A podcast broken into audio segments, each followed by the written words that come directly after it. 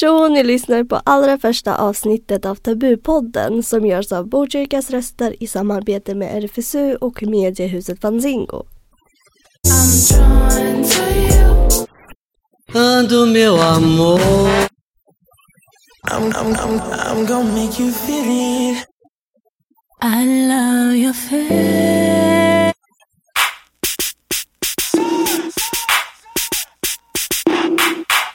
Programledaren är jag, Diana Blatova. Mm, vem är jag då? Jag är 21 år gammal och älskar att prata om sex. Själva dolda tabun, prata om sex, gav mig idén att börja prata om det. För ni måste erkänna att de flesta sexpoddar går ut på att antingen lära oss ungdomar hur man har safe sex eller så går det ut på att bara väcka lusten genom olika sexhistorier. Tabupodden är en blandning av hur ska det gå till och hur kan det gå till? Sex, kärlek, relationer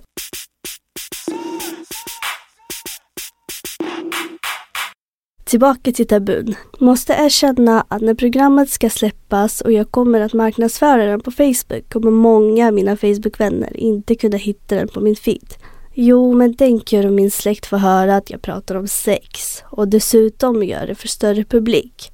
Wow, I'm dead, men what to do?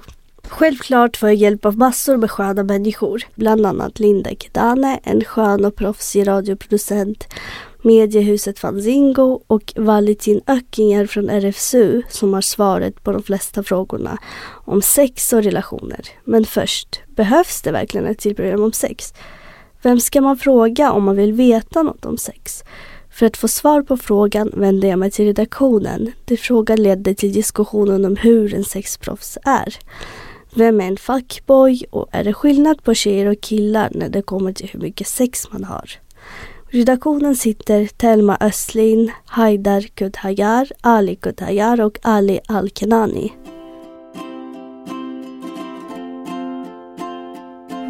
Okej, vi kör. Jag är lite nervös men ni får hjälpa till mig. Det är lugnt. Jag är också nervös. Okej. Behövs det ett till program om sex? Det pratas mycket om sex men egentligen inte på riktigt. Det är inte så allvarligt, det är ofta skämtsamt eller det mycket genomsyras av sex. Som reklam, eh, tv-serier, nästan allting. Men det är liksom inte på allvar. Vi pratar inte om varför är det så här, varför ser vi på kvinnan när den har sex så här eller bla bla bla. Nej, jag tror, Nej. nej, jag tror inte vi behöver en program om sex. I alla fall inte för ungdomar eller för unga. Så de borde tänka mer om framtiden och deras plugg och studier istället för att sitta och tänka på vad, som, vad de ska bli kallade om de har eller inte har sex. Men om ungdomar behöver veta något om sex? Fråga deras föräldrar. Alltså de kan fråga varför, varför föddes jag? De kan förklara. Det, det är enklaste sättet. Har du någon gång pratat om sex med någon? Och hur kändes det? Kanske bara med min partner, en partner. Men jag, det är inte så att jag frågar om hur man gör och vad det, vad det är och så. Men min första fråga om sex var till mina föräldrar. Varför föddes jag? Hur kom jag? Det, det var inte lika skämmigt, de kan inte säga någonting emot. Det, det är så världen funkar. Man måste förstå. Varför, ja. Men fick du svar på frågan när du frågade hur? Ja, Jag fick svar men det är inte så att de sa att de låg med varandra. Nej men... alltså, de säger tänk inte på det för det, det är något som händer i framtiden och inte nu. Förstår du? Alltså det... Det är sådär... Men har du tänkt på det själv? Jag har tänkt på det men jag har typ inte använt det. Alltså typ jag eh, undviker att tänka på sex. Ja, det är bara onödigt. Man ska, man ska ju kunna allt. Typ. Man har, man har typ chans att lära sig, varför inte? För då när man ska ligga med en tjej då man ska vara proffs. Då man ska kunna allting liksom. Inte fråga efter vad är det här, vad är det? Det beror på intresse man har. Att vara bra, det beror lite på hur man ser på att vara proffs. Att vara proffs borde innebära eller betyda att man ger den andra njutning. Men jag tror att när man säger att en kille är bra i sängen så är det inte att han ger tjejen njutning eller liksom vet så mycket om utan helt enkelt ser bra ut på att ligga. Ja, men ibland kanske på kvinnans bekostnad. Ligga till ligga. Killarna kan vara bra, tjejerna kan vara bra. Alltså, man är bra på ett sätt så att man kan, ingen kan vara såhär, ja jag är bättre än dig på, på sängen. Alltså, det är ingenting som betyder något såhär. Slut. Jag känner många som har blivit fuckboys men förut så har de typ älskat dem. Och enligt killar så är det någonting moget. Men det är alltid, när, när man blir krossad, då vill man krossa alla andra. Men samma sak med tjejer. Om du krossar henne, då blir hon också arg. Ja.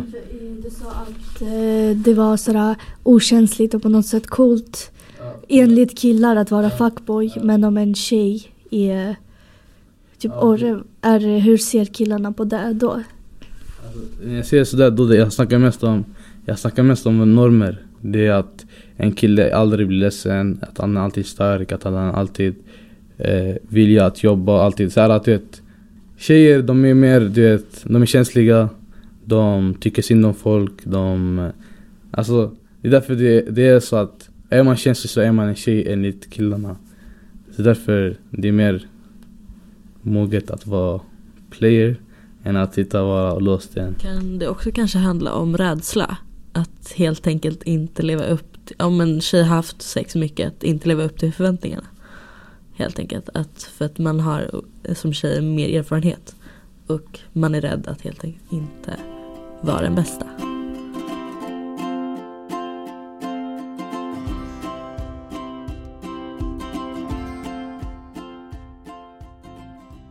Våra reportrar Haidar Kudhayar och Karar Ali gick runt på deras skola för att ta reda på vad folk tänker när de hör ordet fuckboy. Vad tänker du när jag säger fuckboy? Eh, en kille som knullar runt. Om en tjej skulle vara som en fuckboy, vad skulle hon kallas? Fucker. Samma, precis samma sak. Förutom att eh, hon är tjej. Fuckboy är en kille som eh, ligger runt med olika tjejer. Eh, Samtidigt som uh, han skriver med andra tjejer, han håller på med andra tjejer. Ja, alltså, Han playar mycket tjejer och så alltså, Han ser kvinnor som en leksak som man kan ha sex med och sen kasta dem för att gå vidare med livet. Alltså mina åsikter om detta är att eh, det är väldigt fel och eh, jag skulle aldrig kunna vara en fuckboy. Eftersom att eh, då får man dåligt rykte. Jag tänker på... Eh, alltså jag tänker på normalt eh, någon så här stor kille, kattig. Så här många tjejer som, som håller på med han. Och så vidare. Alltså... Normalt kan en fuckboy synas som en kille som kan haffa. Alltså ragga på brudar. Tack för dina svar. Varsågod habibi. Jag har alltid vetat väl att fuckboys har funnits men jag har aldrig varit så mycket i kontakt med dem. Vilgot Ali är student på Socialhögskolan och skriver just nu B-uppsats som heter I fuckboy, ett socialt problem. Men sen eh, skaffade jag Tinder och började swipa, swipa på tjejer. Och sen fick jag höra från de här eh, tjejerna som jag matchade med att de eh, tyckte det var mycket fuckboys på Tinder. Och det är en sida av Tinder som jag aldrig får se. Eh, så jag blev intresserad av den. Jag ringde upp honom för att prata om vad fuckboy är och om det finns en teoretisk definition av begreppet. Alltså, det är ju inget akademiskt ord eller något så här som är med i Sveriges akademiska ordlista, heter den så? Ja. Eh, så man får ju kolla på slangord och se vad, hur artiklar eh, förklarar eh, ordet fuckboys. Och då tog jag en förklaring från Expressen eh, som förklarar att fuckboy är en person med ett douchigt beteende eh, kan tänka sig att gå hur långt som helst för att få, hen, eh, få, för, för, att få vad han vill ha. Eh, utan att känna varken ansvar eller skuld. Men just det där med machokulturen, spelar det mycket roll i just det skapelsen av fuckboy? Jag tänker mig att det är mycket bekräftelse att en man vill anse vara macho och kunna få tjejer i sängen för det är något slags coolt för en kille att vara, att ligga med många som jag aldrig förstått. Men så de anser väl det att så fler de ligger med så, så mer macho blir de och får bättre bekräftelse. Men nu när du har kommit lite långt i din studie, Mm. hur, hur ser svar ut på dina respondenter? Jag tänkte mig att det skulle vara någon slags positivt för Fuckboys. Att man har mer typ, accepterat dem att eh, det är något bra. Men eh, de flesta var ju svar ju så här, ja, jag har, svår, har, svår, har, har svårt lita på killar och jag har fått mindre tillit till killar. Och... Sen har jag fått några svar som eh, är att ja, jag har fått ändrat syn och jag har börjat hata män i grupp, som Sara Larsson eh, menar. Och det blir ju att fuckboys är så maskulina och fyller sån machokultur att feminismen växer, att det måste finnas en motpol till den här machokulturen. Eh, och nu när det finns många fuckboys så blir det ännu fler feminister. Jag heter Valentin Öckinger och jag är eh, sexualupplysare på RFSU. Idag är vi i studion och jag sitter här med sexualupplysaren Valentin Ökinger och som ska kommentera tillsammans med mig programmet som vi har lyssnat på nu. Så Valentin, behövs det ett till program om sex? Eh, ja, det tycker jag. Jag tycker att eh, det går inte att få för mycket kunskap, tycker jag. Eh, och när det handlar om sex så handlar det ju om att lära känna alltså sin egen kropp och om samspel med andra människor. Och det, jag tycker absolut att man kan inte prata nog. Alltså jag, jag kan väl kanske tycka att det är eh, fel sex i media och i reklam och sådär. Eh, som någon annan var inne på så är det ju, alltså kunskap är ju aldrig fel. Men när det blir sexualisering, det är då det blir knasigt och att det kanske blir skeva bilder av vad sex är eller hur man ska ha sex. Att det blir någon sorts um, att det ska vara på ett visst sätt. uh, för annars är man konstig. Uh, och, men alltså det är klart att, att vill, man, vill man inte tänka på sex så ska man inte behöva göra det. Och det är kanske det som är problemet i vårt samhälle. Att det är svårt att undvika om man inte har lust. Det är väldigt mycket fokus på sex och det tycker väl jag är jättenice, jag som är sexualupplysare. Eh, men, men vill man inte ha med sex att göra så ska man inte behöva det. Eh, och den valfriheten eh, är ju väldigt viktig och det tänker jag även när det gäller media. Att det borde finnas en valfrihet att fokusera på sex eller inte. Eh, det där med att prata med föräldrarna, hur gör man det på det bästa sättet? Ja, alltså jag tänker att om det funkar att prata med föräldrarna så ska man ju göra det. Ehm, men alltså det är inte säkert att alla tycker att det är bekvämt att vända sig till sina föräldrar. Ehm, så då kan man ju prova att vända sig till en annan vuxen istället eller gå till RFSUs chatt till exempel.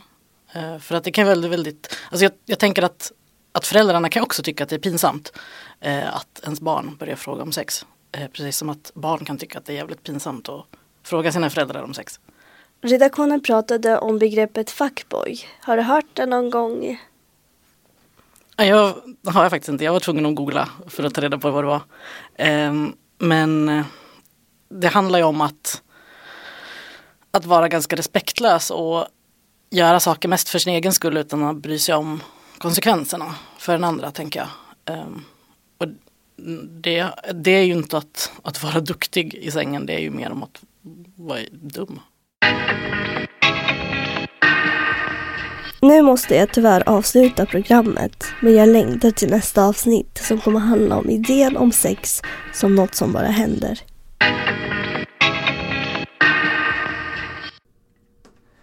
Vill du fortsätta att prata sex och relationer?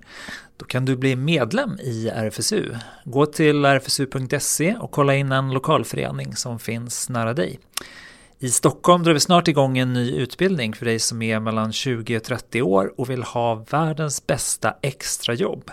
Som skolinformatör för RFSU kan du göra skillnad genom att gå ut och prata sex och relationer med unga på högstadiet eller i gymnasiet.